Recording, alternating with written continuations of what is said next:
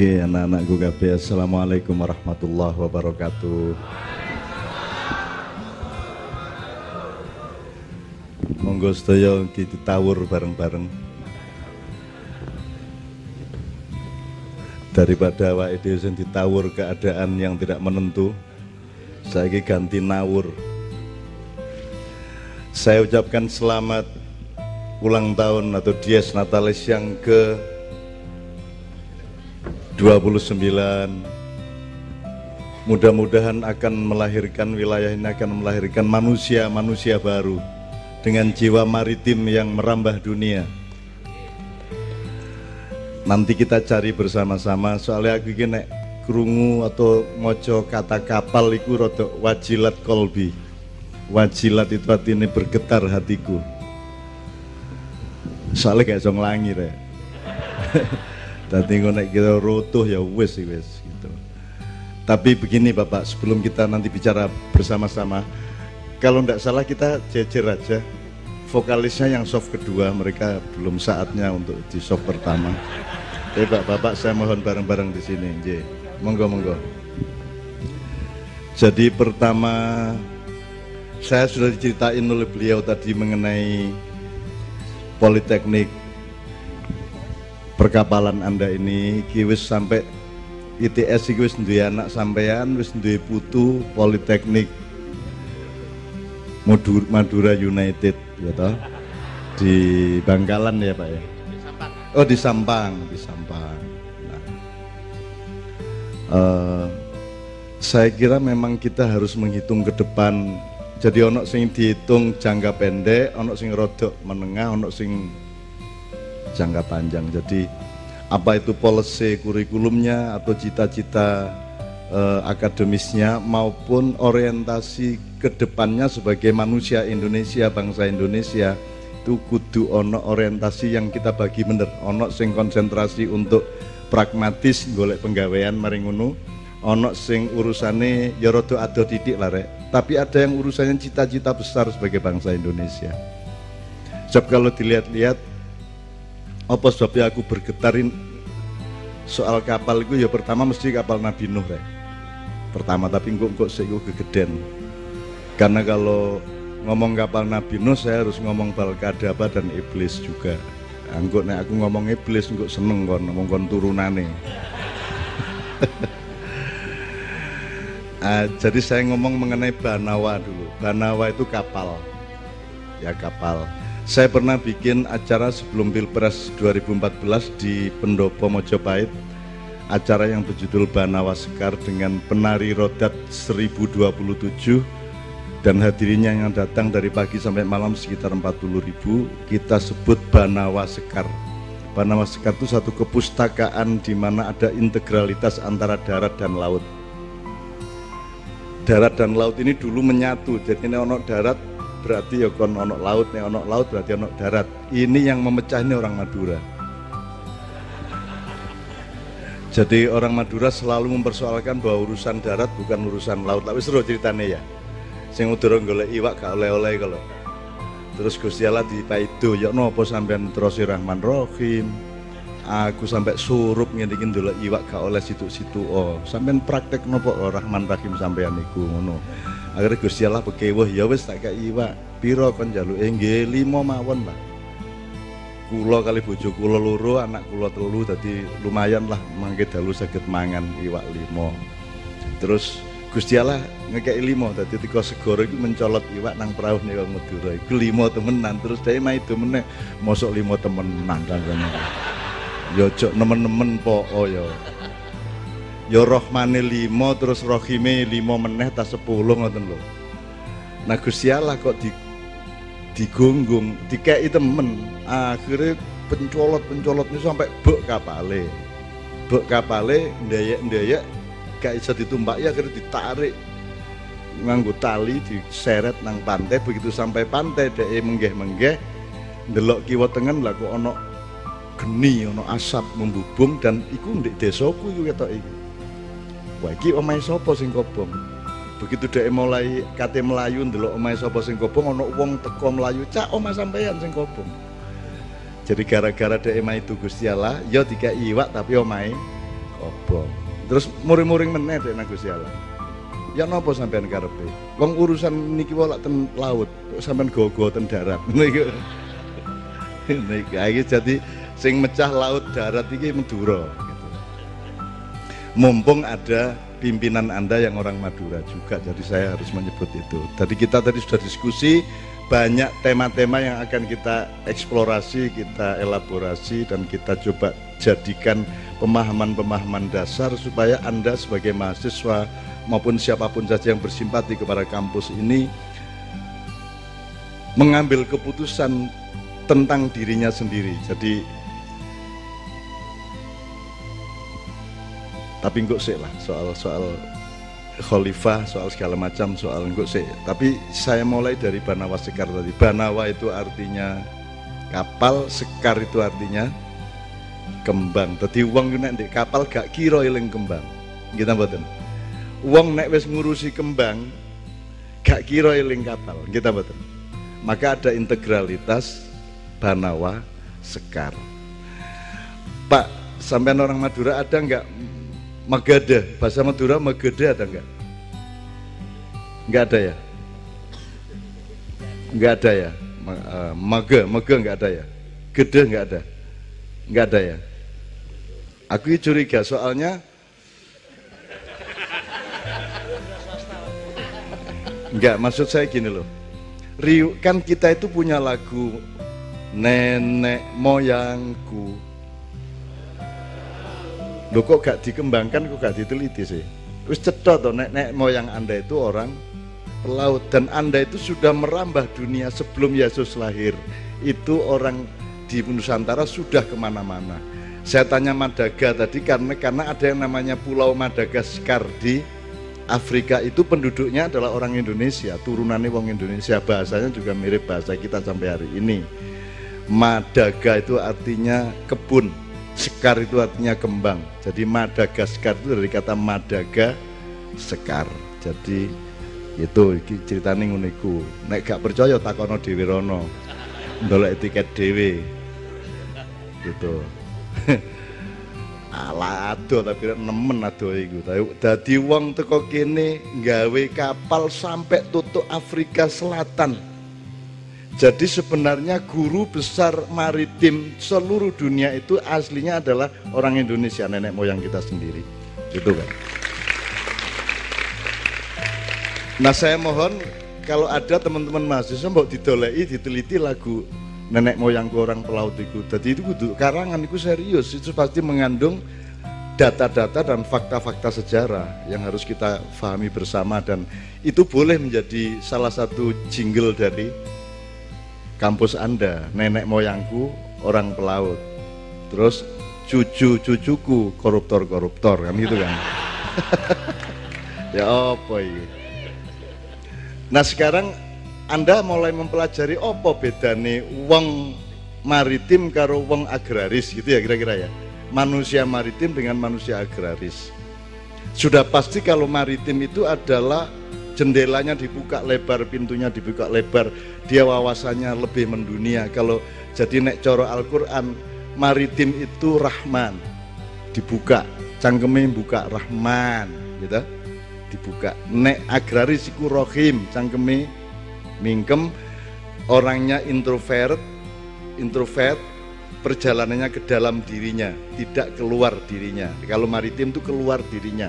Jadi dia berani bertanding, dia berani mengembara, dia berani nek coro Jogja Malioboro, dadi wali sing ngumboro gitu ya.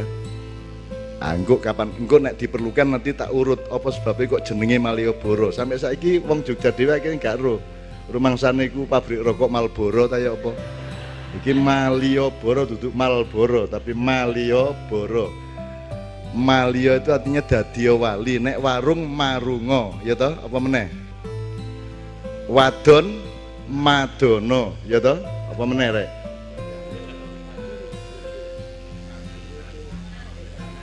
Pangan mangano. Ya. Apa meneh? Mata matamu ya. Angel delok lianes duduk kuno ae wis. Angel angel nanti kita bicarakan ada yang namanya negara sarung dan bangsa sarung nanti ini beliau biar menjelaskan nanti.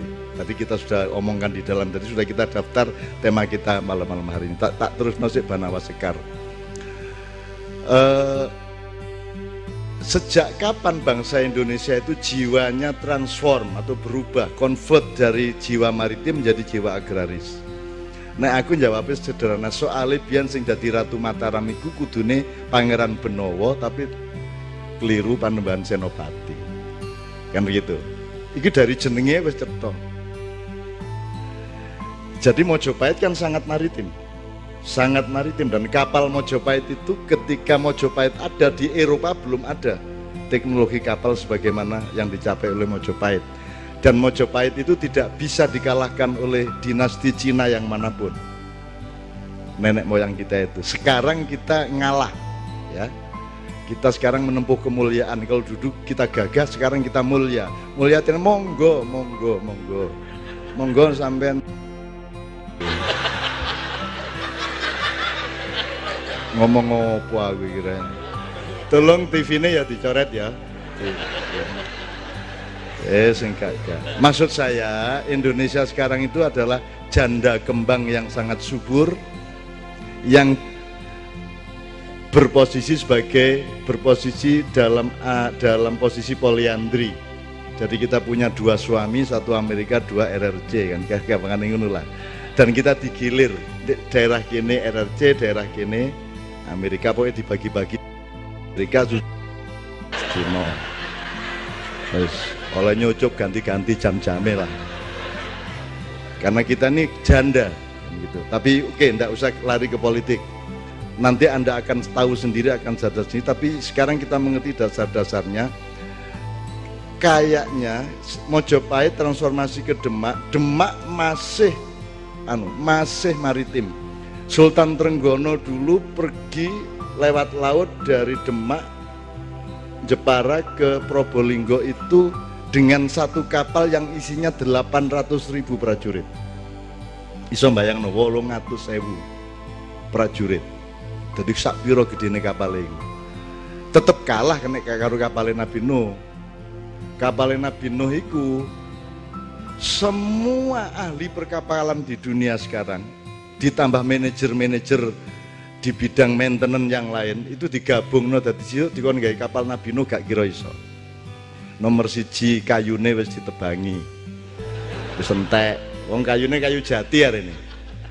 Dadi biyen kan dolek Nabi Nuh iku ya Bluro, Bojonegoro, ngono biyen. Eh cepu, ngono kan. Nah, kemudian mendarat di daerah Turki baru setelah jadi mendarat di Turki masih nunggu tiga minggu untuk benar-benar aman karena belum tentu yang daerah lain sudah tidak banjir.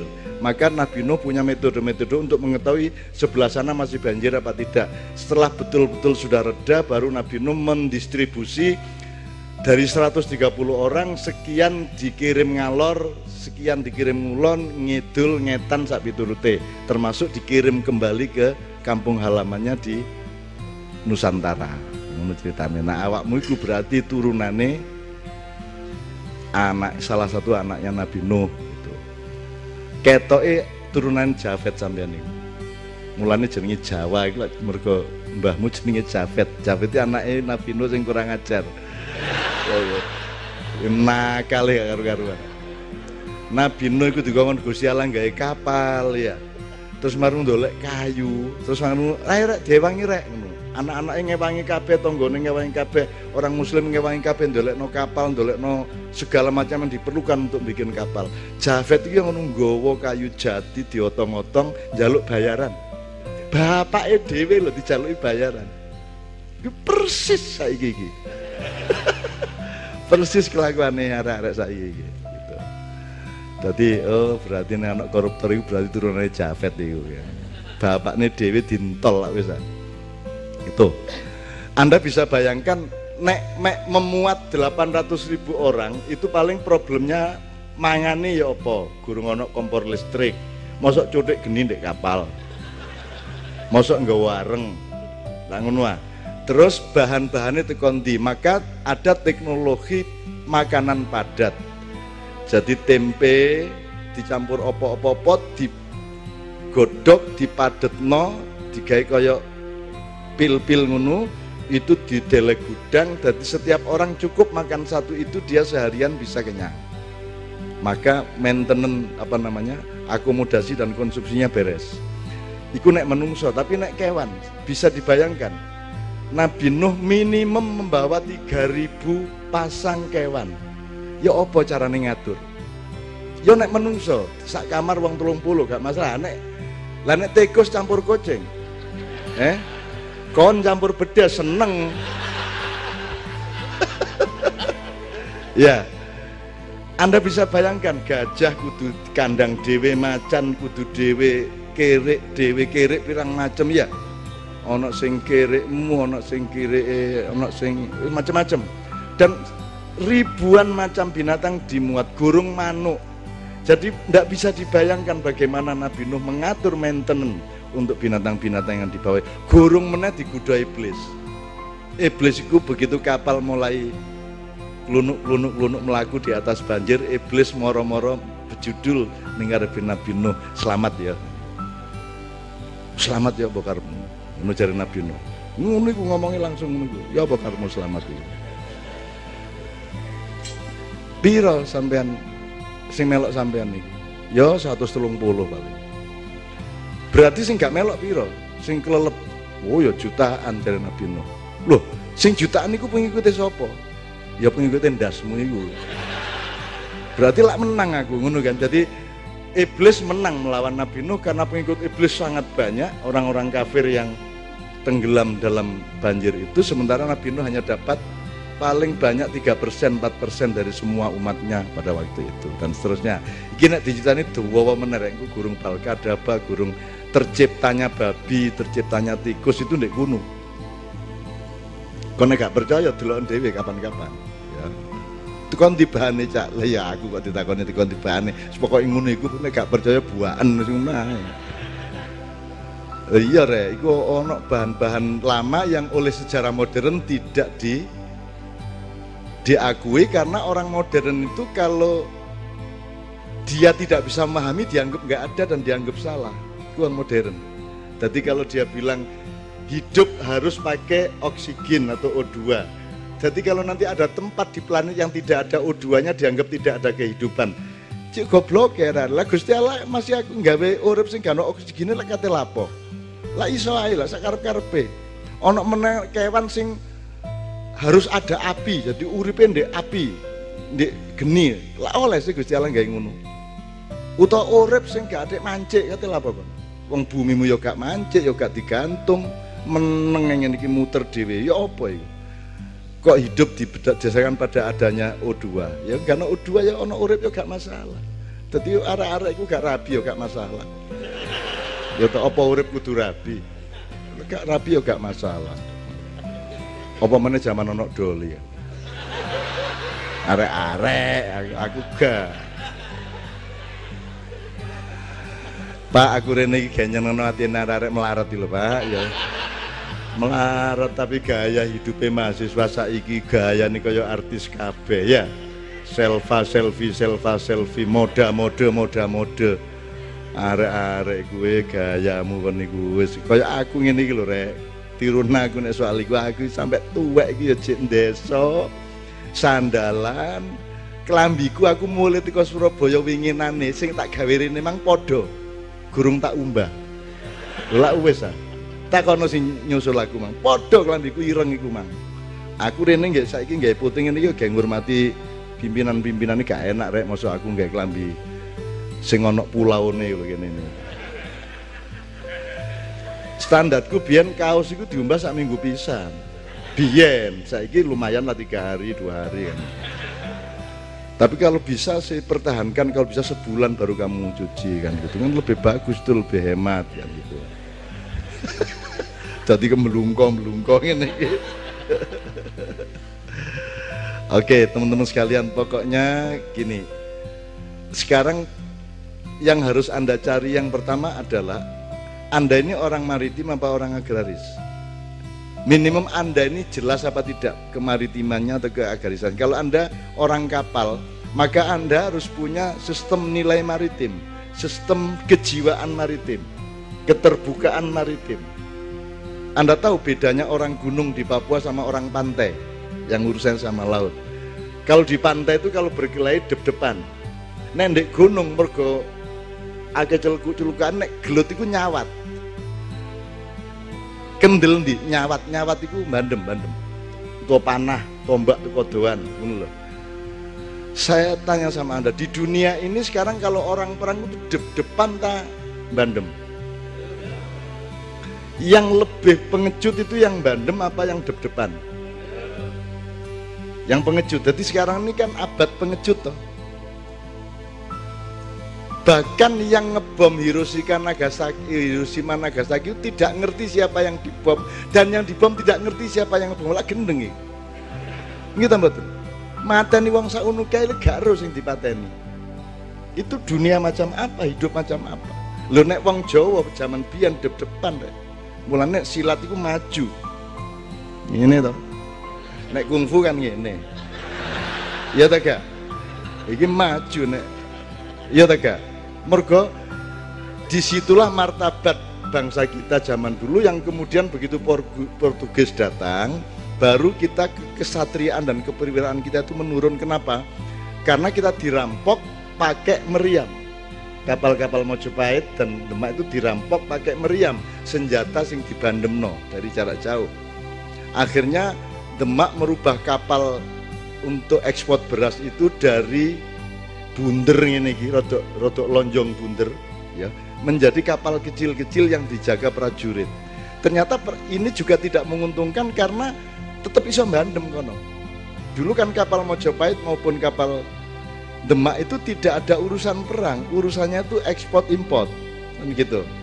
Ya rempah-rempah ya beras ya jagung ya kedelai kan gitu tapi begitu anak perampok-perampok itu ke Eropa pada abad 15-16 itu mulai maka mulailah ditantang yang namanya keperwiraan dan kejantanan kita. Jadi gelut saya itu gak depan tapi bandem-bandeman itu doang Nah sejak itu orang Jawa, orang Indonesia mulai berpikir nek ngunu iso ya mateni wong toko doan. Akhirnya nepil lahirlah tepil ah santet orang itu ya gendam ono arek wedok liwat terus nih wedok arek-arek Enggak mesti ana sing ndek mburi karo salaman cak niku yo napa wirite cak. Mesti ngono karo arek. Dapurane arek-arek iki. Sing dijaluk nang aku sing gak gak ya. Oke ya. Jadi sekarang yang yang yang kita tentukan adalah anda sebagai mahasiswa ini ada beberapa skala prioritas. Anda harus menentukan prioritasmu. Pertama, harus ada prosentase untuk urusan penggaweanmu dan keluargamu setelah kuliah. Satu, itu kasih berapa puluh persen. Ada yang urusannya rodo adoh titik aku ya kepingin dandani negoro rek. Aku ya kepingin melok-melok. Tadi itu apa?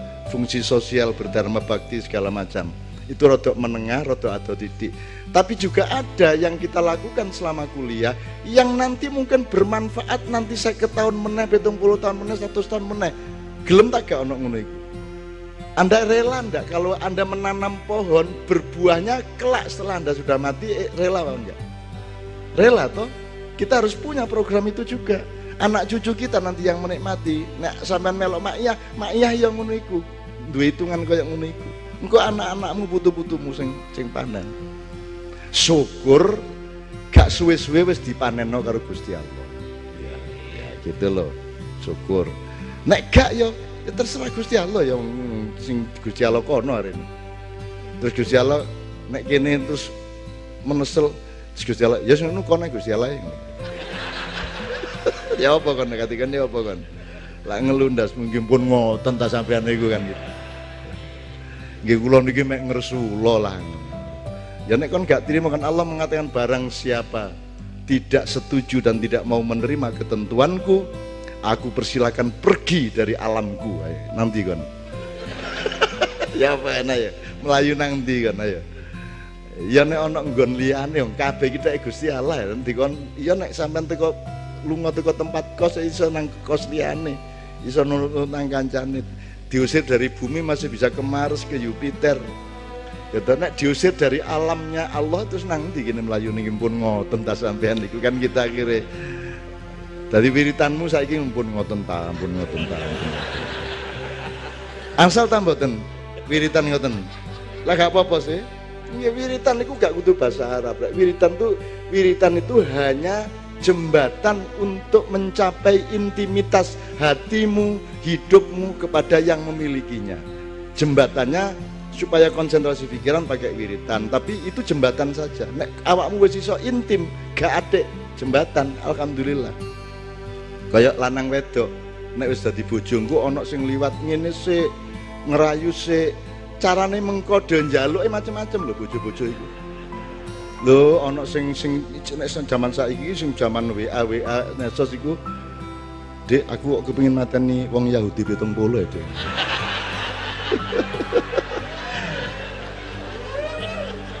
Ngono ta? Terus gua ana diumumkan bahwa ada sunnah Rasul, Rasulullah nek ngono iku dina malam Jumat ngono ya. Terus gua malam Selasa ngomongin, "Dek, aku masih malam Selasa kepengin malam Jumuan lho, Dek, aku Dek." Wis saiki aneh-aneh wong-wong iku. Jadi teman-teman sekalian ditentukan skala prioritasnya. Itu yang ukuran waktu, yang ukuran di dalam tata ruangmu ini. Anda harus bisa menentukan di antara semua urusan itu mana yang punya kemungkinan besar atau punya kans tinggi untuk Anda lakukan dan untuk tercapai. Kan ono sing iso dicapai, mesti ono, mesti iso. Misalnya nyambut gawe cek oleh badi, mesti iso. Angger kon gelem. Tapi ada wilayah-wilayah yang lain yang sifatnya relatif 50-50. Mungkin bisa dicapai, mungkin tidak. Ini harus siap. Ya, harus siap tercapai siap, tidak tercapai siap. Terus ada yang ketiga, ada masalah-masalah wilayah-wilayah, persoalan-persoalan, tema-tema dalam hidupmu yang dia apa-apa no gak iso ini. Mustahil. Nah, Anda harus rela terhadap itu. Dan Anda harus mendaftar. Jadi berubah barang yang mustahil. Jenenge menegakkan benang. Bahasa misalnya menghilangkan judi dari sepak bola itu kan mustahil. Ojo menegok bal-balan. Teraweh lu kayak totoan aja eh? Lho iki aku iki ngomong ngene iki ana sing totoan ndek mburi. Ana biasa nggih mburine Kiai Kanjeng ana sing beredar ndek mburine panggung mburine kan iya Cak Nun nanti bicara tentang Banawa Sekar apa tidak? 5000, 5000. Tambahan penghasilan, tambahan penghasilan 5000. Ngene ku ana sing ngider nek mburi ngene. Lah kok bal-balan kok gak oleh judi ya mesti angel setiap orang saiki iki ana kendaraan liwat ganjil tak genep. Ya ta Mas ya. Ya ta gak? Ayo ngaku rek kon. Ya ta gak? Ganjil tak genep. Lak ngono sih apa meneh rek? Sing saiki nemen wis. Dosen apa? Oh. Melbu kelas terus totoan teko tagak dosene. Selawe ewu. Kate terawih yang ngono ingko imame sapa? Ingko surate dawa tanda ya itu iku totoan. Sembarang itu totoan Oh, nak mungkin sing tonton jajal pokoknya nek kon sampai mlebu swarga tak bayar saya ini. Ah, ya apa jajal? Totoan dilarang. Sudahlah itu serahkan pada pribadi masing-masing. Angel itu. Meskipun tetap bisa diberantas beberapa tahapnya atau beberapa kadarnya. Gitu teman sekalian. Uh, jadi saya mendaftar beberapa hal. Nanti pelan-pelan kita omongkan. Sekarang yang utama adalah bedanya. Eh tadi Pangeran Benowo tadi kan ngerti ya, begitu Pangeran Benowo tidak menjadi Raja Mataram, kan seharusnya dia. Dia anaknya Mas Karebet atau Raden Wijaya, tapi dia pusing terhadap pertarungan antara antara pro Ahok dan anti Ahok. Loh, kok tekan kono iki Jadi si Pangeran Benowo ini lari dari kerajaan, lari dari keraton karena nggak kerasan sama gelut ya wong-wong iki. Gelut Sunni A, NU jalan lurus, NU jalan bengkong. Ono apa meneh Eh? Oh, no, garis lucu saya. Garis lucu. Eh, Allah. Anyar ini. Ono NU garis-garisan gitu. ah itu nanti temanya sarung nanti ya Pak ya. Sampai yang jelaskan. Nanti ada tema sarung untuk Indonesia. Kalau sudah sampai ke soal jangka panjang berarti anda ngomong mengenai kapal besar yang namanya negara kesatuan Republik Indonesia. Itu sebuah kapal besar dengan sasisnya dengan struktur dan konstruksinya dengan tata ruangnya kemudian dengan otoritas dari nakoda sampai awak-awak kapalnya dan seterusnya sampai mualim sampai segala macam nanti kita omongkan tapi yang pertama ini poinnya adalah anda harus punya skala prioritas di dalam dirimu masing-masing maupun dalam policy di kampus. Nek sampean semuanya sampean harapkan nanti hanya akan kecewa. Ada yang bisa diharapkan, ada yang mungkin bisa diharapkan, ada yang mustahil diharapkan. Itu harus ada daftar yang jelas dalam hidupmu. Jadi jangan keliru prioritasnya. Kalau salah prioritas, Anda akan frustrasi. Gitu kan. Kecuali Anda ditolong oleh Allah dengan kejutan-kejutan. Misalnya oleh lotre, misalnya oleh moro tua sugih gak nejo moro tuane karek ibu tok. Umurnya sepitung puluh telu tahun. Begitu kok rabi ibu mati. Terus omai dadi tekmu karo bojomu. Wah itu itu lain masalah kalau itu. Ya gitu ya teman sekalian. Oke. Okay. uh, saya ingin kita berdiri sebentar lima menit untuk menyanyikan kita tegaskan bahwa kita ini tidak hanya mahasiswa politeknik perkapalan, kita ini tidak hanya orang Surabaya, kita ini tidak hanya orang Jawa Timur, kita adalah juga bangsa Indonesia. Dan urusan yang terbesar sesungguhnya di masa depan adalah bangsa Indonesia. Kalau kapalnya benar, kalau polisinya benar, kalau manajemennya benar, bangsa Indonesia bukan hanya menjadi bangsa teladan, tapi bangsa yang mengayomi seluruh dunia. Amin ya rabbal alamin. Jadi aku njaluk tapi saya jelaskan dulu tadi lagu yang pertama dibawakan Kiai Kanjeng tadi adalah stansa kedua Indonesia Raya. Jadi kalau Indonesia Raya yang kita nyanyikan sebentar lagi ini Indonesia Raya tanah airku, tanah tumpah darahku, terus Indonesia tidak di sini tapi di sana ya. Di sanalah aku berdiri di sini bukan Indonesia. Ngono ya apa ya arek-arek nggih lagu yes, di sana kudu ya tinggal pas di sana nduting ya. Di sana lah ngendi nek jare Cak Suko iku WR Supratman gawe lagu Indonesia pas di Singapura gitu ya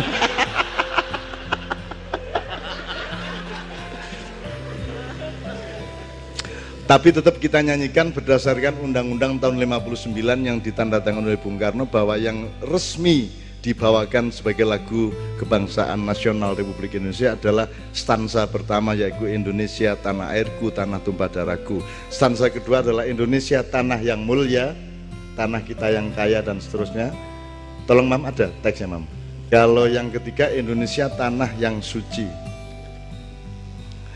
Coba anda anda nilai lebih bagus mana stansa 1, 2, sama 3 ini sama-sama karangan W.R. Supratman jadi kalau Anda orang perkapalan, Anda juga harus punya gravitasi nilai yang jelas dari keindonesiaan kita.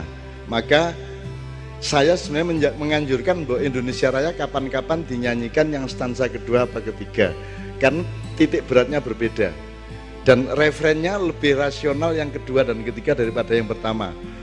Nek nek Indonesia yang Indonesia Raya yang bagus apa?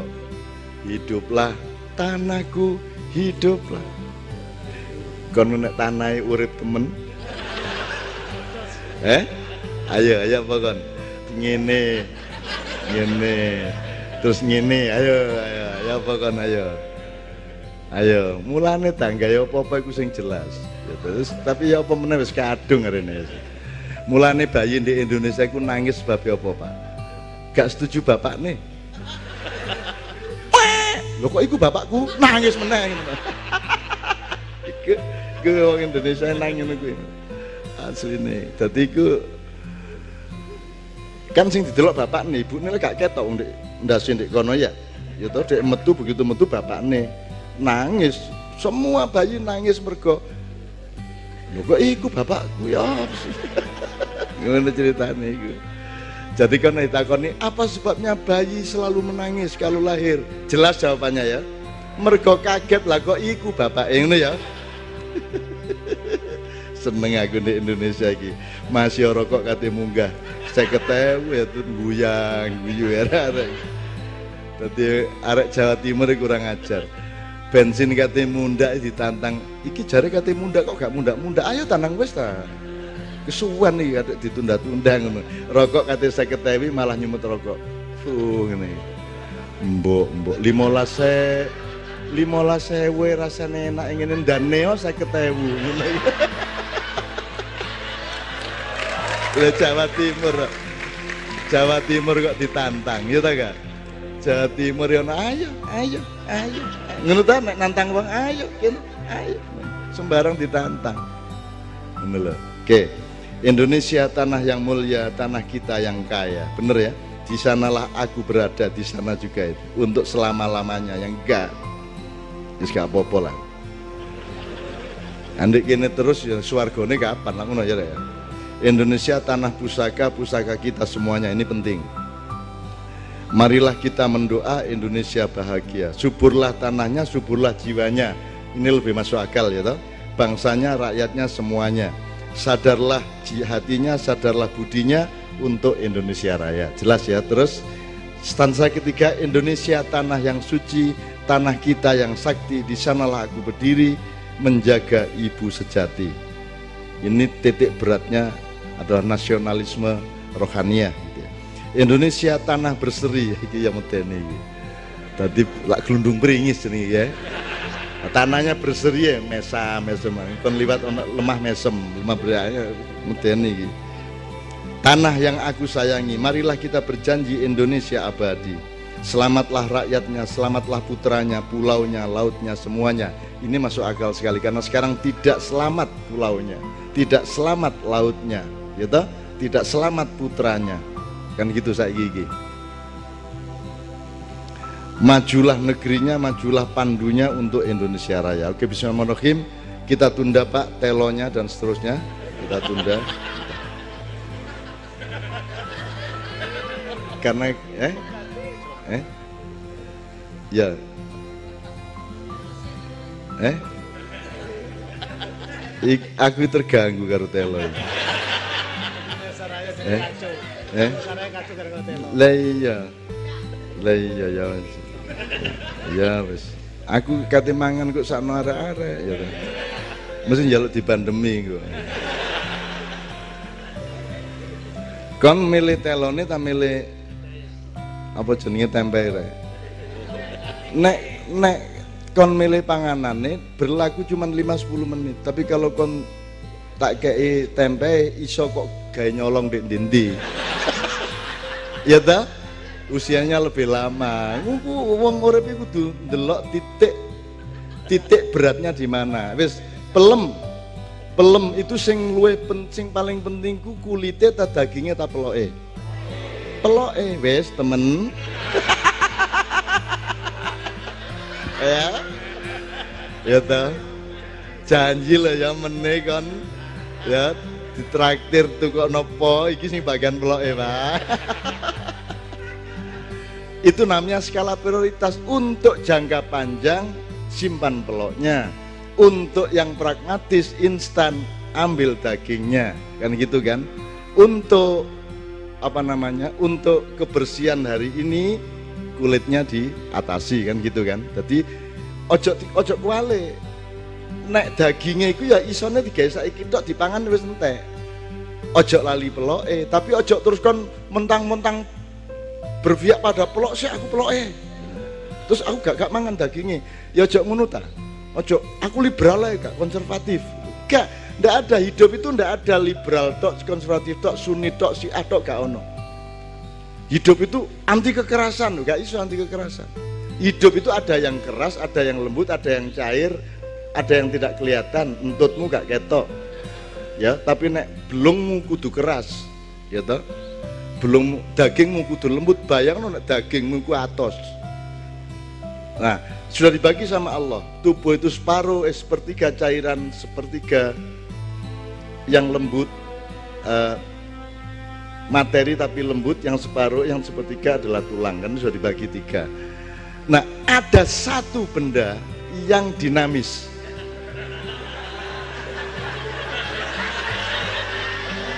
Di situ hakikat hakikat hidup letaknya di situ. Masalahnya adalah satu, harus tahu tempatnya dan harus tahu saatnya kapan dia lembut, kapan dia keras. Betul enggak? Kalau kamu kehilangan proporsi terhadap dinamika benda itu, maka hancurlah hidup. Dan kamu harus punya titik akurasi ke mana itu ditancapkan. Ojo kentongan kok leboni.